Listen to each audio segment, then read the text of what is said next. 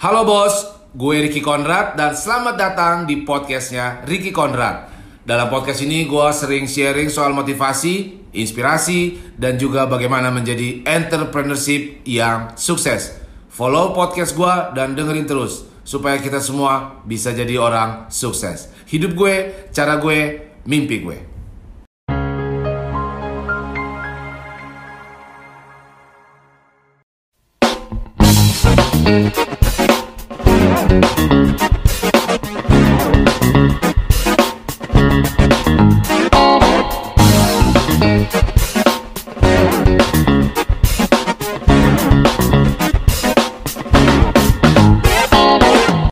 Jadi Ki, eh, saya ajak kau melihat tempat di mana saya tinggal bersama keluarga. Oke. Ya tuh dengar suara ayam di sana kan? Iya ada ayam tuh.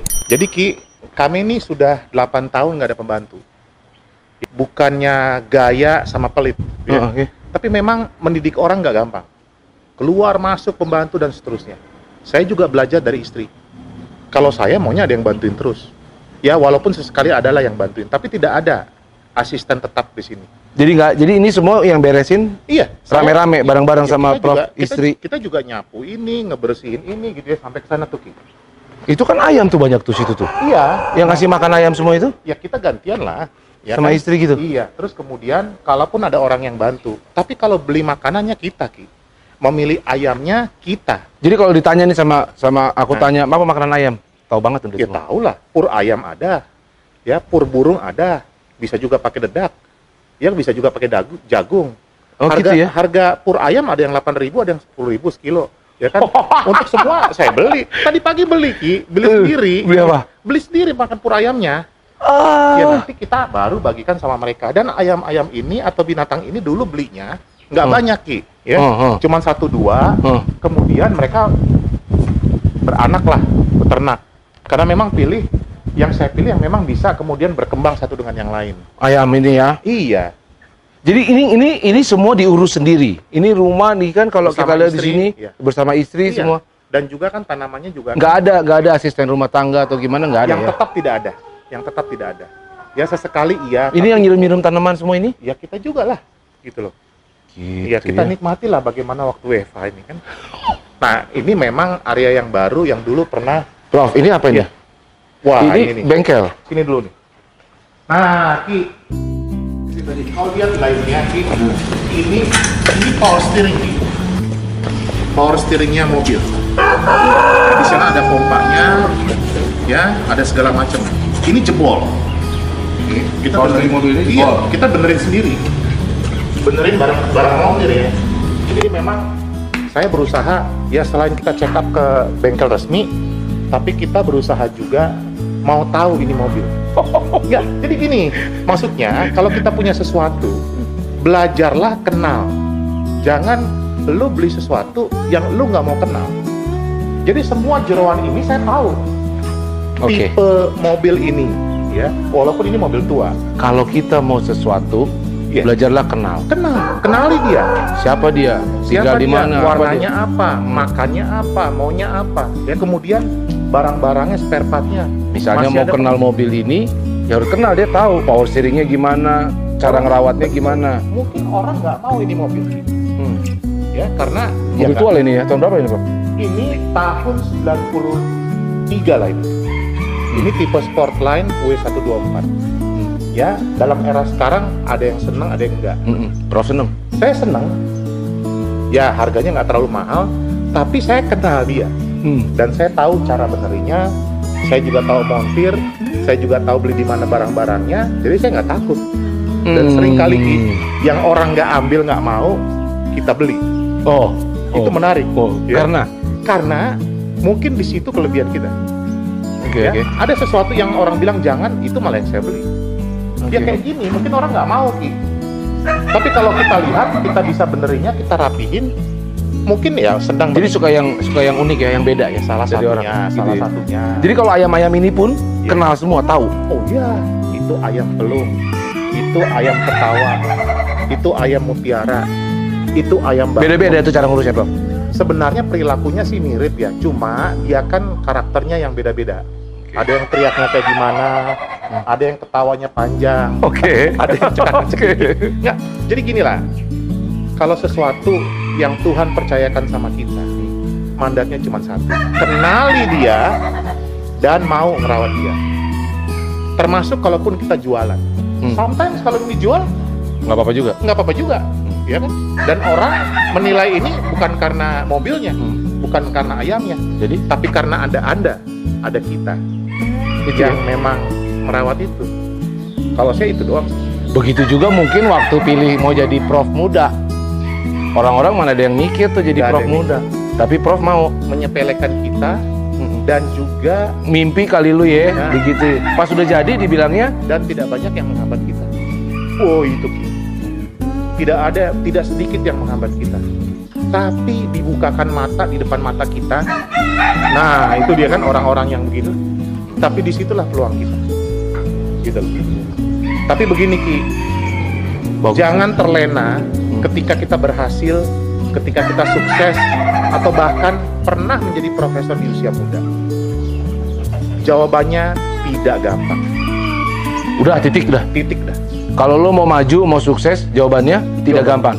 tidak mudah, tidak gampang. Sesuatu yang diraih dengan tidak mudah dan tidak gampang dan kita pikirkan kita akan menghargai itu. Ya, itu bukan pujian buat kita. Ya, itu panggilan buat kita. Itu pelayanan kita. Jadi saya senang dalam hidup saya seperti kau bilang, panggilan saya sebagai guru besar. Mm-mm. Dan ada hal kedua Betul. yang perlu kau tahu apa pelayanan saya Nah, sebagai guru besar dan juga anggota keluarga. oke. Jadi jadi ada panggilan dan juga apa pelayanannya tadi Pelayanan. sebagai guru besar ya. Ya. Dan perlu diingat tuh tadi ya bahwa meraih sesuatu itu tidak mudah. Mudah, Apalagi semakin besar yang kau mau, tidak mudah, tidak mudah, tidak gampang. tidak gampang. Udah. Kalau kalau kau bilang itu gampang, mendingan lupakanlah. Gak usah Iya. mikir. Jadi biasa-biasa aja. tujuan hidup kita bukan kebahagiaan. Tujuan Oh, hidup itu? kita bukan kesuksesan. Oh, Kebahagiaan, kesuksesan adalah dampak karena kita tekun, karena kita setia, karena kita rajin. Jadi itu bukan tujuan hidup. Beda ya kalau filosofi saya. Di tengah-tengah hari-hari yang kau lihat, itu adalah dampak dari apa yang kita kerjakan sehari-hari. Bisa diukur? Saya percaya bisa. Ya kan? Bisa tuh 10 tahun. Tapi itu sukses? Enggak. enggak juga. It- itu buah dari apa yang kita kerjain. Itu aja.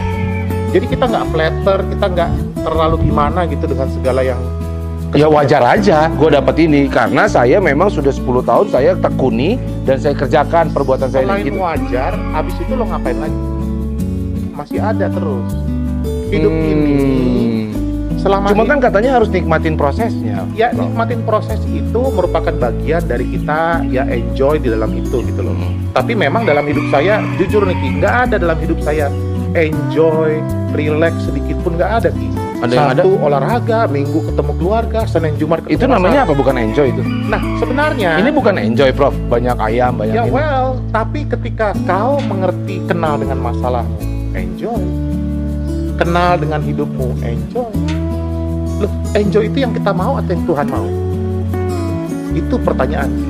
Dulu saya belajar yang saya mau, yang saya senengin itu enjoy. Tapi kita punya Tuhan Sang Pencipta yang maunya dia luar biasa. Dan sering kali ketika kita susah, saya enjoy. Contohnya Ki, Hmm. ini power steering ini nyarinya setengah mati. Oke. Ini sekali kemarin gagal. Oke. Waktu dipompa gagal. Tapi gue nggak susah. Hmm. Sabar. Tunggu. Saya punya montir namanya Caca. Sabar, Hmm. Ca. Kita cari lagi. Kebalikan kan harusnya kan dia bilang saya sabar kan. Tapi Sabar, saya Ca. sabar, Ca. Kita cari lagi. Mungkin sealnya kali atau apanya. Oke. Oke. Gue enjoy di situ. Kalaupun kemudian berhasil, ya biasa aja. Oke. Paham nggak? Jadi Iya. memang kita ngerti dalam proses itu. Jadi sering kali yang namanya enjoy happy yang kau bilang itu Hmm. di ujungnya aja Aha. atau di awalnya. Kau tidak mau tahu tengahnya. Hmm. Tunggu ini perbaikin berapa lama. Dan enjoynya saya di situ. Kalau kita pas di tengahnya enjoy kayak Prof gini ya enjoy terus Enjoy ya. terus. Lalu kemudian mobilnya sehat, Sehat, biasa aja. kita. Itu memang sudah Nggak terlalu- biasa aja. Nggak terlalu uh, gitu. Enggak. Ya. Jadi kita nggak terlena gitu loh. Karena gini, nanti kalau kita ngomong lebih serius lagi, kesulitan kita naik, kesulitan kita tuh naik kelas. Progressive scientification. Kayak lu pakai misalnya karate lah, Hmm, ban satu, habis itu ban berapa? Ban dua, ban tiga, jatuhnya makin sakit kan? Iya, Kesulitan kita begitu. makin ke atas Iya. makin sakit sebenarnya bro. Kesukses- Tuntutannya banyak, hati-hati ini kesuksesan. Iya iya benar benar bro. Kesuksesan pertama sama Iya, iya. kesuksesan kedua, yang lebih sakit mana? Kedua dong. Ada lagi ketiga kan? Iya. Lebih sakit lagi kan? Iya. Udah udah pertama juara RT, Ah, gampang. RW. RW. Begitu mano nasional naik lagi. Dunia. Lebih parah lagi prof ya. Jadi sebenarnya konsep kesuksesan itu apa sih? Apa dong? Menurut bukan prof? bukan kita yang punya konsep itu. Iya. Yang di atas. Oke Yang di atas itu ada dalam hati lo dan gua. oke. Ada dalam hati kita. Jadi apa yang kata di atas itu kalau kita bisa terus melibatkan Iya, melibatkan berdoa kita yang benar. Jangan berdoa kita bisa bersyukur, gitu. bersyukur, jangan nyuruh-nyuruh Tuhan. Berita mau- perintah mau Iya, mau lu aja gitu. kita minta dia temenin kita. Ya Tuhan, temani saya pada waktu saya perbaiki ini. Ah. Itu paling enak. Enjoy lah itu dapatnya Enjoy. enjoy. Pas dapat pun nggak sombong ya. Iya, termasuk waktu dimarahin istri, enjoy juga ya. Iya iya iya.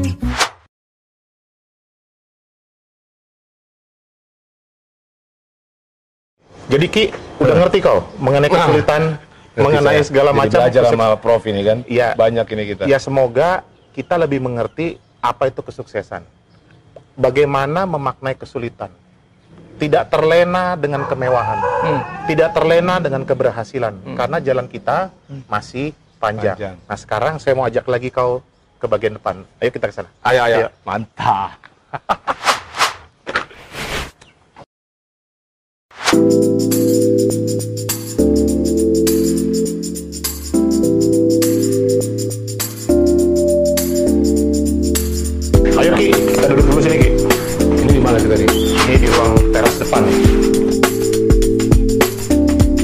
Jadi ini adalah ruang teras depan. Sebenarnya rumah itu tidak ada depan, tidak ada belakang. Semua memiliki bidang tampak yang sama.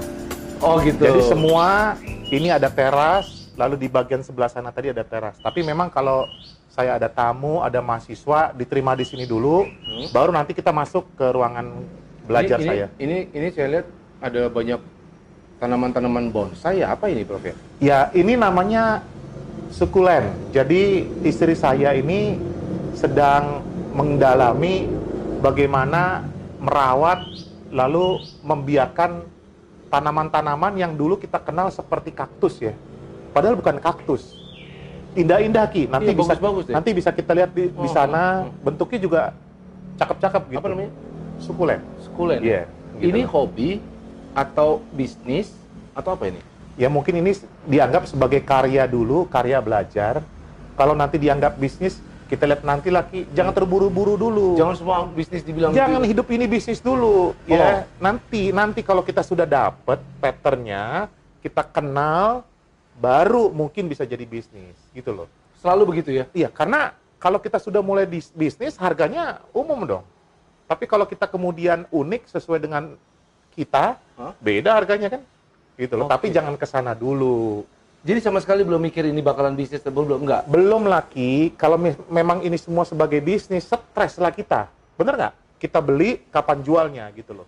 Tapi kenali dulu aja gimana nanamnya, kita manfaatkan pot yang seperti apa, kemudian dia cakep di situ. Ini istri yang belajar, saya juga jadi belajar juga gitu loh. Iya, itu kan hidup kan. Gila gila gitu ya luar biasa Eh, Ki, ya. kau mau tahu Eh, apa sebenarnya arti hidup saya? Apa itu, Bro? Jadi gini Ki, tadi kau sudah dan teman-teman sudah belajar bagaimana proses saya pada waktu kecil sampai kemudian selesai studi. Tapi sebenarnya ada yang indah di balik itu semua. Ketika kita melibatkan Tuhan yang kita percaya dan orang-orang di sekitar kita dalam hidup kita. Ketika kita menikah, ring satu kita adalah bersama dengan Tuhan, tapi kemudian ring dua adalah istri dan suami. Nah, bagaimana kau peka terhadap itu? Hmm. Dengan istri dan suami itu pelajaran yang nggak pernah berhenti. Hmm. Saya bukan bilang sukses. Sering kali sampai sekarang, saya berbeda pendapat dengan istri. Sampai sekarang. Sampai kapan kita nggak tahu. Ya, tapi itulah your life. Itulah my life. Ya, Nah, bagaimana kita melibatkan Tuhan di awal itu juga itu penting, Ki. Karena ini semua bukan ciptaan kita. Hmm. Ini semua ciptaan Dia. Kita ini kan cuma ditugaskan untuk merawat, mengelola itu, Ki. Menjadi lebih baik. Kalau baik, mahasiswa saya duduk, bisa belajar senang, mereka sukses, kan bagus kan? Hmm. Jadi ini bukan kemewahan, Ki. Segala yang ada padamu itu, itu jadi alat bisa jadi berkat buat orang lain. Belajarlah itu, Ki. Ya, setiap hal. Ya, jadi ada ada nilainya, bukan ada harganya, Ki, Iya, iya, gitu iya, loh. iya, iya, iya. Semua ini hanya jadi Prof selalu melakukan apa pun kegiatan semuanya itu muaranya adalah Tuhan dulu. Betul. Iya, jangan lupa. Ya, Bukan karena hebatku. bukan, bukan. Dan tunggu dulu, Ki. Sebagai umat beragama, saya yang Kristiani, nggak jaminan juga, Ki, ke gereja masuk surga. Hmm. Kau pikir kau rajin ke gereja kau masuk surga? Jadi Lalu Tuhan bilang apa? apa? Rupamu. Hmm. Iyalah. Masuk atau tidak masuk bukan karena perbuatan baik kita. Bukan karena sesuatu yang kira-kira berkenan bagi dia. Ya kehendak dia gitu loh. Iya, iya, Nah, ngerti nggak kita dengan hal itu? Nah, kita Indonesia kaya dengan berbagai agama, berbagai budaya. Seharusnya itu kekayaan kita kan. Hmm. Di sinilah saya merenung. Andaikan Indonesia ke depan mengerti itu, saya tidak percaya dengan yang namanya SARA. SARA itu bukan hulunya permasalahan bangsa ini. Tidak ada itu SARA. Ya, Nggak ada ya? suku agama ras itu kekayaan ki, dibuat-buat itu. Ya, coba kalau kita mengerti untuk hal ini, kita kan bantu dengan semua orang. Ya, ada anugerah umum, ada anugerah khusus. Matahari itu buat siapa ki? Hmm. Buat, semua, kan? orang. Yang kulitnya putih, yang kulitnya hitam, baik itu yang Islam, Kristen, Buddha, Hindu kan? Tapi ada anugerah khusus yang kita percaya. Nah, itu kita masih ngerti juga. Nah, jadi sikap hidup kita pun ketika kita melakukan profesi kita, pelayanan kita, itu juga tepat begitu. Nah, saya menyampaikan ini bukan saya yang hebat, enggak, Ki. Saya ini masih belajar. Saya mau berbagi kepada kita semua. Ngerti nggak itu? Jadi apa yang ada pada kita, itu tugas berat. Ya? Tanggung jawab kita. tanggung jawab kita untuk bisa mengelola itu dan menjadi dampak bagi orang lain. memberikan aja. dampak Iya, baik itu buat- aja. itu aja Itu aja. Jadi orang happy juga, kita juga senang kan? Hmm. Gitu loh. Termasuk juga dengan keluarga kan?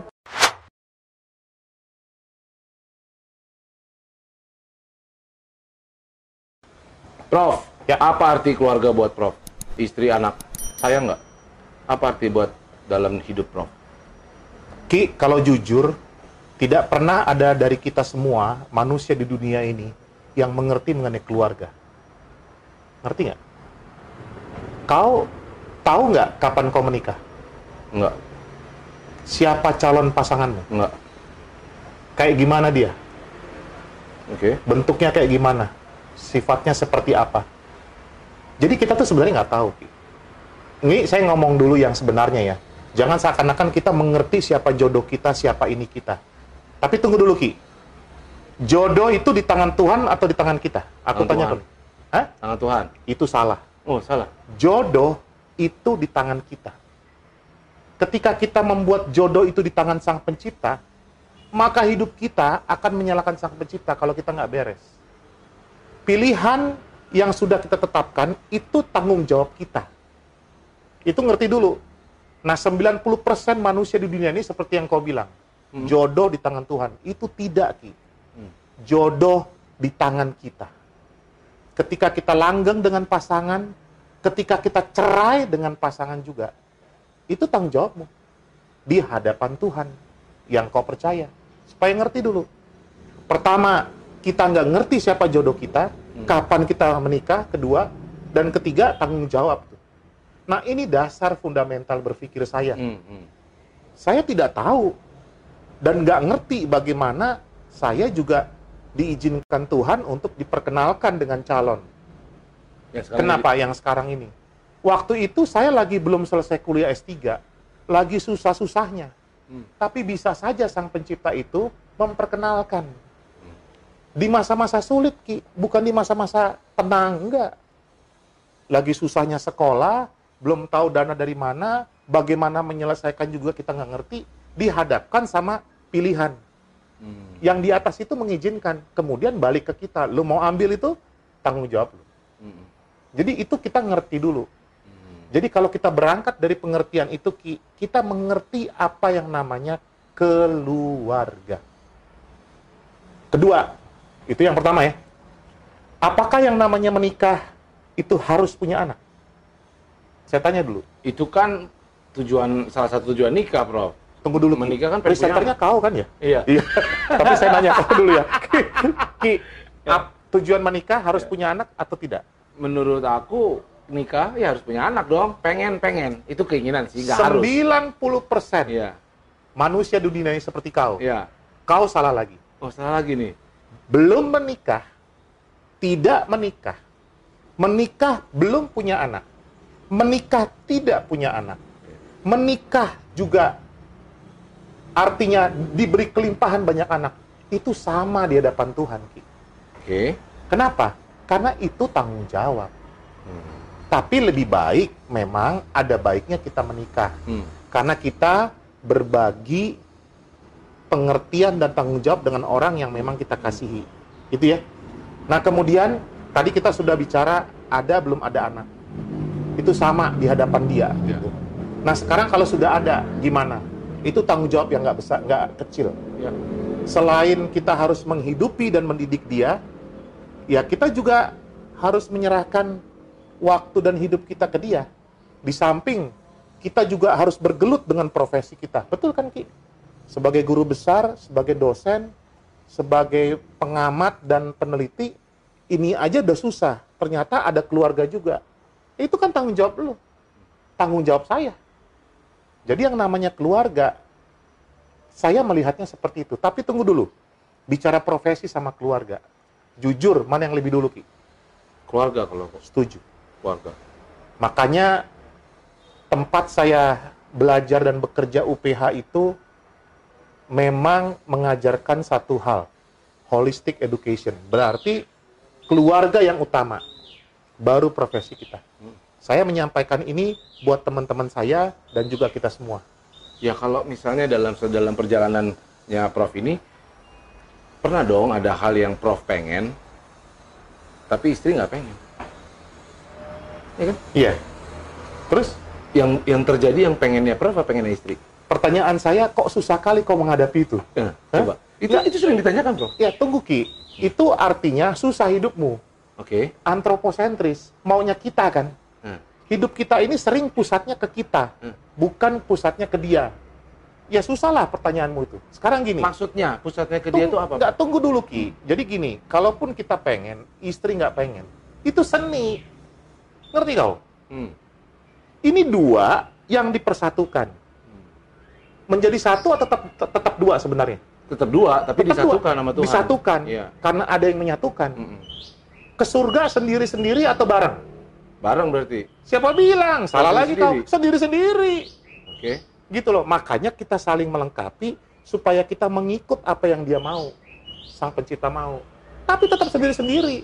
Jadi naturnya Ki tetap berbeda. Jadi kalau memang maunya ini sama maunya ini beda, ya itu memang biasa. Baru ngerti ya? Terus solusinya? Solusinya? Ya saling ngerti lah. Makanya bahasa saya main panjang. Maksudnya apa tuh memang? Belajarlah ngerti yang dia mau daripada yang kita mau. Jangan paksakan yang kita mau supaya dia mau maunya kita. Berarti Oke. pengertian kau tadi, Ya. maunya kau itu dipaksakan ke dia. Oke. Gitu loh. Ya belajar aja ngerti.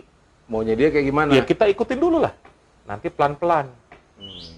Nanti ada waktunya Ki, di mana kalau misalnya pasangan kita punya keinginan, terus kita membantu dia, ada nanti waktunya juga ngarahin gitu loh.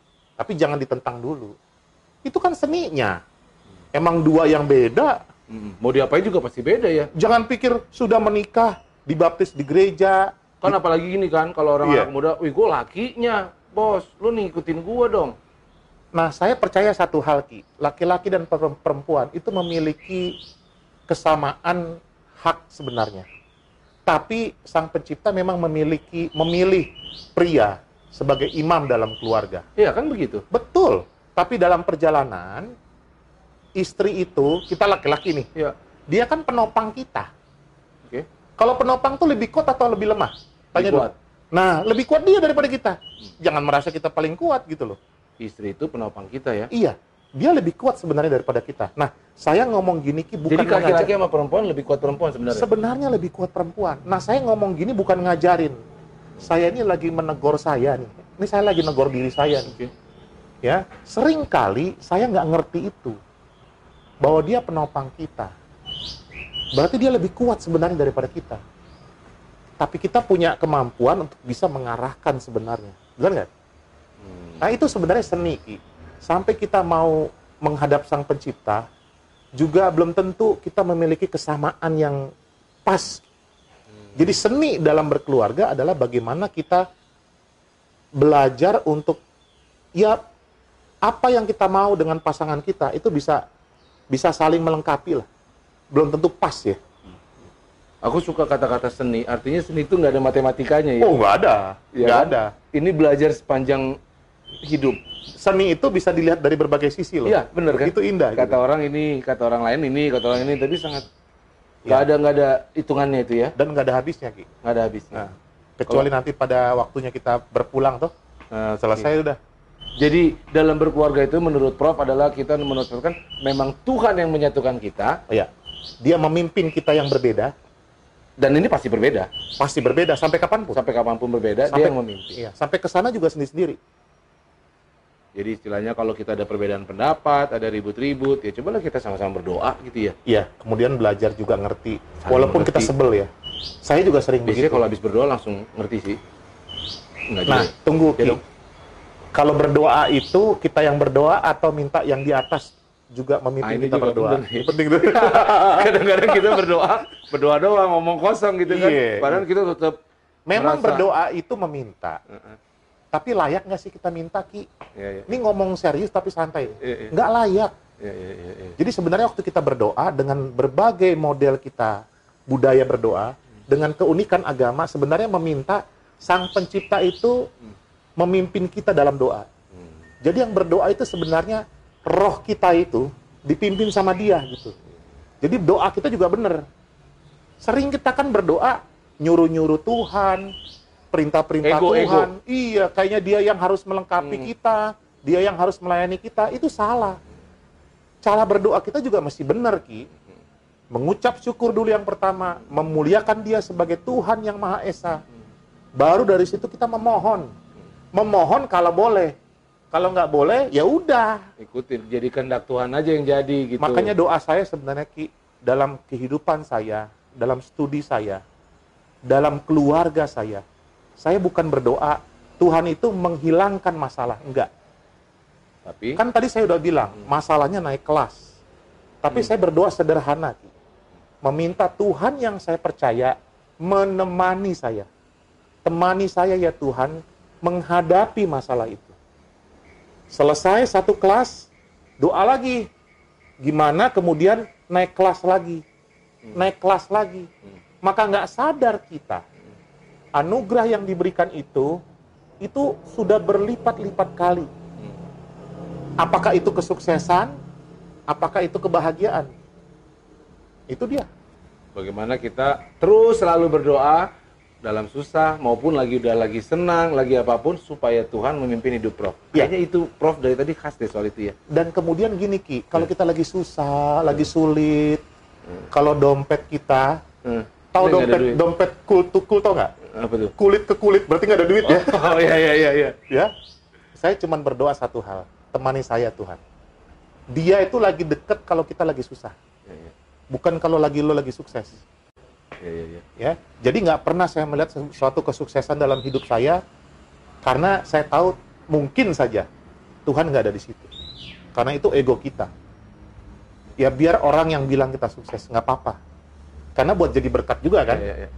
Iya. dan kalau mereka bilang hebat saya kembalikan kepada sang pencipta mari kita puji dia mari kita bersyukur tawakal kembali ya, bawa juga dalam doa orang-orang yang mengasihi kita sama orang-orang yang membenci kita. Eh, tunggu dulu. Kau kan taat beribadah ya, Kia? Iya dong, Ya. Kalau orang yang taat beribadah pasti punya musuh nggak? pasti. Dalam hidup kau, kau yakin ada musuh? Aku nggak pernah merasa musuh itu penting atau nggak penting sih. Tapi Pokoknya ada aku nggak? berbuat baik aja. Tapi ada nggak musuh dalam hidup kita? Nggak? Kalau aku ditanya siapa musuhmu nggak tahu aku sih siapa. Nah, musuh itu adalah orang yang membenci kita. Ya, Orang yang tidak setuju dengan kita. ya. Tapi, nggak kita ada. benci dia nggak? nggak. Nah, itu sikap yang baik. Ya. Jadi kenapa kita juga mesti mendoakan teman-teman kita, Hmm. mesti ngedoain orang-orang yang yang di dekat kita, bahkan kita mendoakan musuh-musuh kita. Karena memang kita nggak benci mereka, itu aja. Dan kadang perlu sikap juga ya. sana. Siap, Prof. Ini kita mau masuk lagi atau kita? Nah, sebentar saya mau ngajak kau Hmm. masuk ke ruang belajar saya, ruang kerja. Di sana juga nanti mahasiswa sama anak-anak saya juga suka ada di sana. Nanti kita masuk di situ? Ruang kerja. Oke. Boleh, Prof? Boleh, Prof? Pengen Oke, lihat. kita masuk ya. Ruang kerja Prof gimana sih? Oke. Ya. Ayo Ki, kita masuk ke ruang Wow. Belajar. ini ruang kerja saya di mana saya belajar, mengajar sekaligus sesekali juga kumpul juga dengan keluarga dan dengan mahasiswa. Sini kita. Ini dia, begini ruang kerja Prof rupanya. Jadi duduk di sini ya. Ini mejanya Prof ya. Mm-mm. Oh. Iya.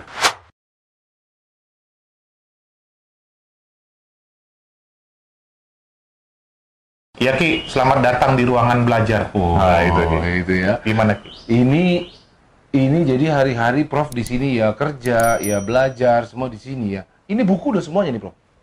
Jadi Banyak Ki, banget ini bukunya. saya punya perpustakaan kecil di sini, tapi di atas di lantai dua ada lagi bukunya di sana. Jadi belum semua masuk ke sini. Jadi ini yang hari-hari masih saya pakai, gunakan buat ngajar. Tapi kalau memang referensi pendukung lainnya masih ada di atas. Masih banyak lagi di Masih sini. ada di atas. Kira-kira dua kali ruangan ini bersama buku istri. Istri kan juga bukunya banyak tuh, sama juga bukunya anak-anak.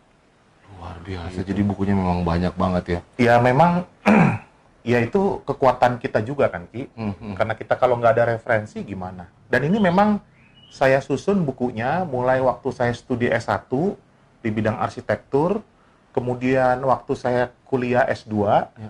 di Prodi Sipil, Project Construction Management, waktu saya S3 kan waktu itu ada dua studi, yaitu studi teknik sipil, construction management, dan juga saya sempat mengambil studi mengenai leadership transformation. Ya. Ministry itu kan. Ya, 30% berbasis teologi, 70 persennya berbasis business plan. Jadi ada bukunya di sana. Saya kan masih ngajar juga di teman-teman di sekolah teologi. Inilah ruangan profesor. Ruangan bersama lah gitu. Tapi memang saya banyak di sini. Banyak di sini. Nah. Akhir-akhir ini kalau WFH di sini, WFH berarti di sini. WFH ya? di sini, anak-anak saya kalau lagi belajar online di ruang sebelah. itu juga ada lampu. Oh kemarin ada itu. Oh Hah? itu tuh ada lampu. Iya itu, tuh lampu buat kalau lagi webinar. Ah. biar biar mukanya seger. Ah, jadi Prof pun sudah. Iya, iyalah karena kalau kita lagi webinar, lagi online kan juga perlu apa fresh ya. Ya, ya, ya. Dan kalau kita fresh kan yang melihat kita juga seneng ya, itu aja. Nah itu saya pakai kalau lagi online gitu. Itu tadi saya lihat ada lampu Iya. youtuber nih. Iya. Gara-gara suka zoom webinar tapi, gitu tapi kali. ya. mikrofonnya belum nggak ada, Oh, pakai headset aja cukup kan. Oke Prof, thank you. Waktu satu harian saya kita sudah belajar banyak. Saya pun yang biasanya motivasi teman-teman di sini malah saya yang belajar. Saya bengong tadi Prof. Ini juga kita kameramen tim semua pada bengong ngeliatin Prof ngomong. Oh ya ampun Prof, banyak Seben- sekali. Sebenarnya kau nggak sadar, ketika kau juga ngomong, saya juga belajar dari kau. Ah Gitu bisa loh. aja Prof ya kan. Sama-sama belajar lagi, sama-sama belajar. Apa pesan Prof buat teman-teman semua yang masih muda, yang sekarang punya mimpi besar atau yang masih ragu-ragu mimpinya atau lagi susah sekarang masa pandemi? Silakan Prof. Ya, jadi pertama saya mau mencermati dulu mengenai urusan pandemik ya. Jadi pandemi COVID-19 ini tidak pernah ada satu manusia pun dan satu alat pun tahu kapan ini berakhir. Saya cuma satu resepnya terhadap ini. Jangan fokus kepada kondisi pandemiknya. Tuhan yang kita percaya sebenarnya lebih peduli kepada respon kitanya, meresponi kondisi ini. dan kita bangsa Indonesia sudah dilatih dengan berbagai macam bencana. Kita, kita sudah pernah kena kerusuhan, dulu berbagai macam pemberontakan, G30, SPKI, DITII, segala macam. Itu sebenarnya pelajaran untuk bangsa ini. Nah, tapi kalau kita gali lagi, sebenarnya sang pencipta itu lebih peduli dengan kitanya dibandingkan kondisi ini. Mungkin kondisi ini diizinkan bahasa saya supaya kita terlatih. Nah, itu tadi ya, karena kau meresponi saya meresponi pandemi COVID-19. Nah, kedua, saya ingin menyampaikan kepada kita semua bahwa di dalam hidup kita libatkan Tuhan yang kita percaya. Hmm. Ya, saya belajar itu sampai sekarang dan kapan pun. Dalam setiap bagian hidup kita, dalam setiap pekerjaan kita, dalam setiap relasi kita dengan keluarga. Karena hanya itu kekuatan kita. Berdoa yang benar. Bagaimana dia menemani kita, memimpin kita untuk bisa melalui segala macam masalah. Dan masalah itu Ki naik kelas Hmm. sesuai dengan naik kelasnya iman. Yang ketiga, urusan profesi. Tidak pernah saya dan kita pun tahu apa sebenarnya profesi kita. Apa sih profesi? Hmm. Apa sih profession? Hmm. Tadi saya menyampaikan itu panggilan. Hmm. Kapan panggilan itu tahu? Hmm. Tidak ada yang tahu. Ketika kau menjalani perjalanan hidupmu yang susah, yang panjang itu, di situ ada kejelasan. Kejar itu, tekun di situ. Maka di dalam doa kiranya dia memimpin kita di situ. Yang keempat, untuk keluarga. Tidak pernah dari kita pun, saya juga, tahu kapan kita berkeluarga. Kapan kita menikah. Kita nggak ada yang tahu. Tapi dalam perjalanan hidup saya, Sang Pencipta sudah lebih dulu memikirkan itu. Bahasa saya. Siapa jodoh kita, dia sudah pikirkan itu. Siapa pasangan kita, dia sudah pikirkan itu. Kemudian, jodoh tanggung jawabnya kita, bukan tanggung jawab Tuhan. Supaya kita tuh dilatih dalam berkeluarga, memang bertanggung jawab secara pribadi bersama pasangan untuk bersama-sama memuji dan memuliakan dia. Dan akhirnya, kalau kita bicara ke depan hidup kita ini, pada akhirnya apa sih yang akan kita bawa? Hmm. Segala kemewahan dan kesuksesan kita. Hmm. Ki, hari ini kita tidak membicarakan kesuksesan. Kita tidak membicarakan kemewahan, tidak. Tapi kita membicarakan bagaimana kita merespon anugerah yang kita dapat untuk kita boleh sama-sama memaknai itu supaya bisa bermanfaat dan berdampak bagi orang lain. Luar biasa. Gitu, Ki. Thank you, Prof. Wah, pokoknya hari ini banyak sekali pelajaran yang bisa, hal baru yang saya ambil, Prof. Thank you sudah sharing buat kita semua di sini. Sama-sama, Ki. Di sini ada eh, teman-teman dari channel yang suka nonton dan nongkrong di sini, nonton video gua. Hari ini kita dapat pelajaran banyak dari seorang profesor muda yang sudah ditahbiskan jadi guru besar di umur 35 tahun bahwa walaupun di tengah perjalanannya ini dia mengatakan kita bukan bicara soal sukses atau be happy, tapi kita harus tekun dan selalu berserah sama Tuhan. Ya. Gitu Prof ya. Ya. Thank you waktunya. Oke. Gua saya udah dikasih banyak sekali pelajaran hari ini. Semoga sukses terus, Prof. Sama-sama, Ki. Sehat-sehat. Ini Sehat-sehat. lagi pandemi. Salam sehat buat semuanya. Salam, sehat buat semuanya. Kita nggak boleh salaman, tapi kita begini, Prof. Oke. Iya. Thank you, Prof. Sama-sama. Thank you, Bos. Buat lo semua, thank you yang sudah nonton video ini. Dalam video ini banyak sekali inspirasi-inspirasi yang bisa kita dapatkan. Kalau memang ini bermanfaat buat lo, share ke seluruh penjuru dunia. Thank you, Bos.